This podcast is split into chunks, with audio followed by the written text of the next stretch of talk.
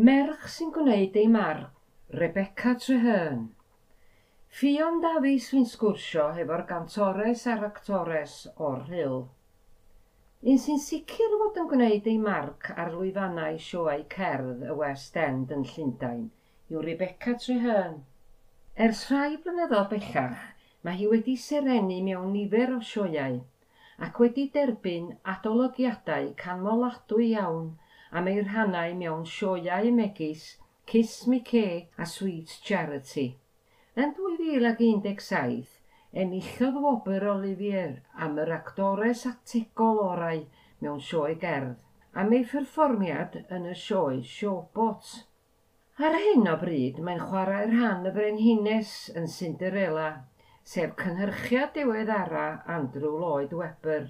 Ond yng nghanol ei thrysurdeb, Fe gytunodd i rannu rhywfaint o'i hanes a darllenwyr y wawr. Llawer o ddiolch i ti am dy barodrwydd i roi cip olwg i ni ar dy fywyd fel perfformiwr yn Llundain. Ond yn gyntaf, gawn ni fynd yn ôl i dy blentyndod yn yr hyl. Cyfoes dyfagu ar aelwyd i Gymraeg, ond penderfynodd dy rieni i dy anfon i ysgol Gymraeg. A'i yno gwnes ti ddechrau cael blas ar berfformio ar lwyfan. Ia, mae'n debyg, mi ddechreuais i gystadlu mewn eisteddfodau yn wyth oed. Ar ôl i fy athrawes ddosbarth yn Ysgol Dewi Sant, Mrs Glenys Thomas, sylwi mod modyd medru canu. Ymunais a theatr fach yn yr hyl y flwyddyn wedyn, a syrthiais mewn cariad efo actio hefyd bryd hynny. Pw oedd y dylanwad cerddorol mwyaf arna ti? ac awn nes di barhau i dreidio llwyfannau eisteddfodol pan oedd e ti yn dar ddegau yn yr ysgol. Mi nes i gystadlu mewn eisteddfodau o 8 i 15 oed os dwi'n cofio'n iawn. Cymerais rhan mewn nifer o gategoriau, unawdau, deuawdau ac yn y blaen. Yn ogystal â chystadlu hefo'r cor pan oedden nhw'n ysgol glan cwyd. O ran dylanwad, Bu Gwen Parry Jones a Rhys Jones yn fy nysgu ganu am flynyddoedd maith, a fyswn i ddim yn gweithio'n broffesiynol rŵan, heb y cyfleoedd ag efais gannu nhw i gystadlu ac i berfformio'n lleol. Hefyd, roedd Wan Fitty oedd yn rhedeg y theatr fach yn yr hyl, wastad yn hynod o gefnogol i mi. A Judy Garland pan o'n i'n blentyn, siŵr o fod. Mae'n debyg mae'r tro cyntaf o deithon ni yng Nghymru yn ymwybodol o dy dalent di, oedd pan enilliais ti'r ail gyfres o waw ffactor ar S4C yn 2005 a chyhoeddi EP yn fuan wedyn. A wnaeth y llwyddiant yma ac o'r unrhyw ddrysau proffesiynol i ti. I fod yn hollol onest, dim rili, really, ond dim dyna oedd y mwriad wrth gystadlu. Roeddwn i wedi bod yn byw yn Llundain ers tair blynedd cyn i mi benderfynu cymryd rhan, a fy ngobaith oedd, mwy na dim, i atgoffa'r byd adloniant yng Nghymru fy mod i'n dal yn bod ac ar gael am waith perfformio yma yn ogystal â Lloegr. Mae fy ngyrfa wedi fy nghadw i yn Llundain rhan amla, ond braf i'w cael gweithio adra o dro i dro. Beth neu pwy wnaeth dy ysgogi i fynd i Lundan a sut wyt ti'n ymdopi â bywyd y brifddinas? Wedi perfformio'n broffesiynol trwy fy arddegau, roeddwn i'n benderfynol o gael mynd i Lundan i astudio, oherwydd dyna oedd yr unig lwybr oeddwn i'n ei weld byddai'n farwain at y West End. Dwi wedi byw yn Llundan yn hirach nag y gwnes i fyw yng Nghymru erbyn hyn – felly wedi hen ymdopi.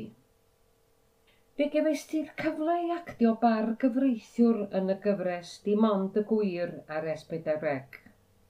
A wnes ti fwynhau'r profiad, a y e ti'n croesawu cyfle i wneud mwy o waith trwy gyfrwng y Gymraeg rhyw dro. Ges i haf hyfryd dros ben yn ffilmio dim ond y gwir, a byswn i'n falch iawn o'r cyfle i wneud mwy o waith teledu yng Nghymru tasa'r cynnig yn dod rhyw ddydd.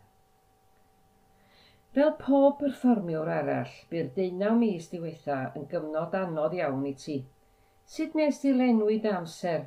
A pha mor falch oeddet ti o gael ail afal yn dyrfa? Does dim dwywaith bod y cyfnod yma wedi bod yn eithredol o anodd.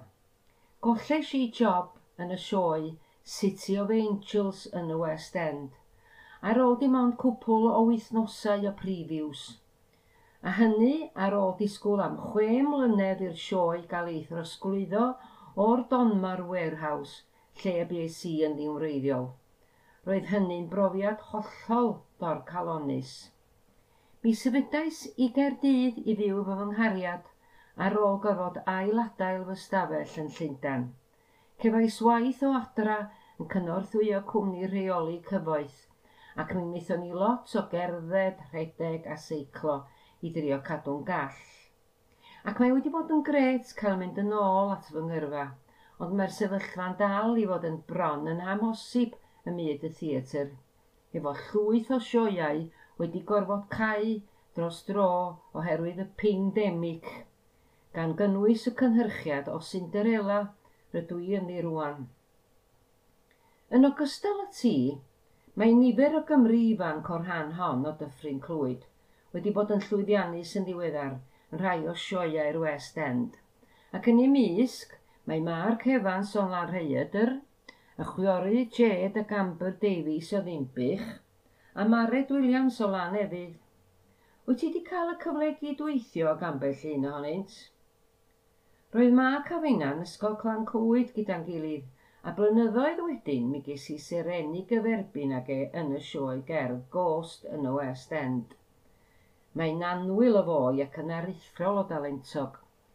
Dwi wedi canu efo Jed ar raglen S4C e yn dathlu sioiau cerdd. Ac er nad ydw i'n abod Mared yn bersonol, dwi'n fan fawr o'i halbwm hi, Y Drefn, ac yn gobeithio fawr y cawn ni gyfle i gweithio rhyw ddydd. A wyt ti'n cario faint o gyfle i siarad Cymraeg erbyn hyn? A pha mor aml wyt ti'n gallu dod yn ôl i ymweld â dy deulu yn yr hyl? a ellid di weld y hun yn dychwelyd i Gymru rhywdro yn y dyfodol. Dwi ddim yn cael ymweld ar hyl yn aml iawn, ond mae fy nghariad yn siaradwr Cymraeg, felly mae yna hen ddigon o gyfle i mi siarad yr iaith, a dwi'n treulio lot o amser yng Nghaerdydd y dyddiau yma. Swn i'n caru cael byw yng Nghymru eto rhyw ddydd, ond cyn belled bod yng ngwaith ym mi Theatr Llundain, dyw hynny ddim yn ymarferol yn anffodus. Diolch yn fawr iawn i ti Rebecca am dy atebion a phob dymuniad da i'r sioe Cinderella ac i titha ar gyfer dyrfa i'r dyfodol. Rydym yn falch o weld Cymraes yn chwifio'r ddrau goch ac yn profi gymaint o lwyddiant ar lwyfannau'r West End yn Llundain a byddwn yn dilyn dy hanes gyda diddordeb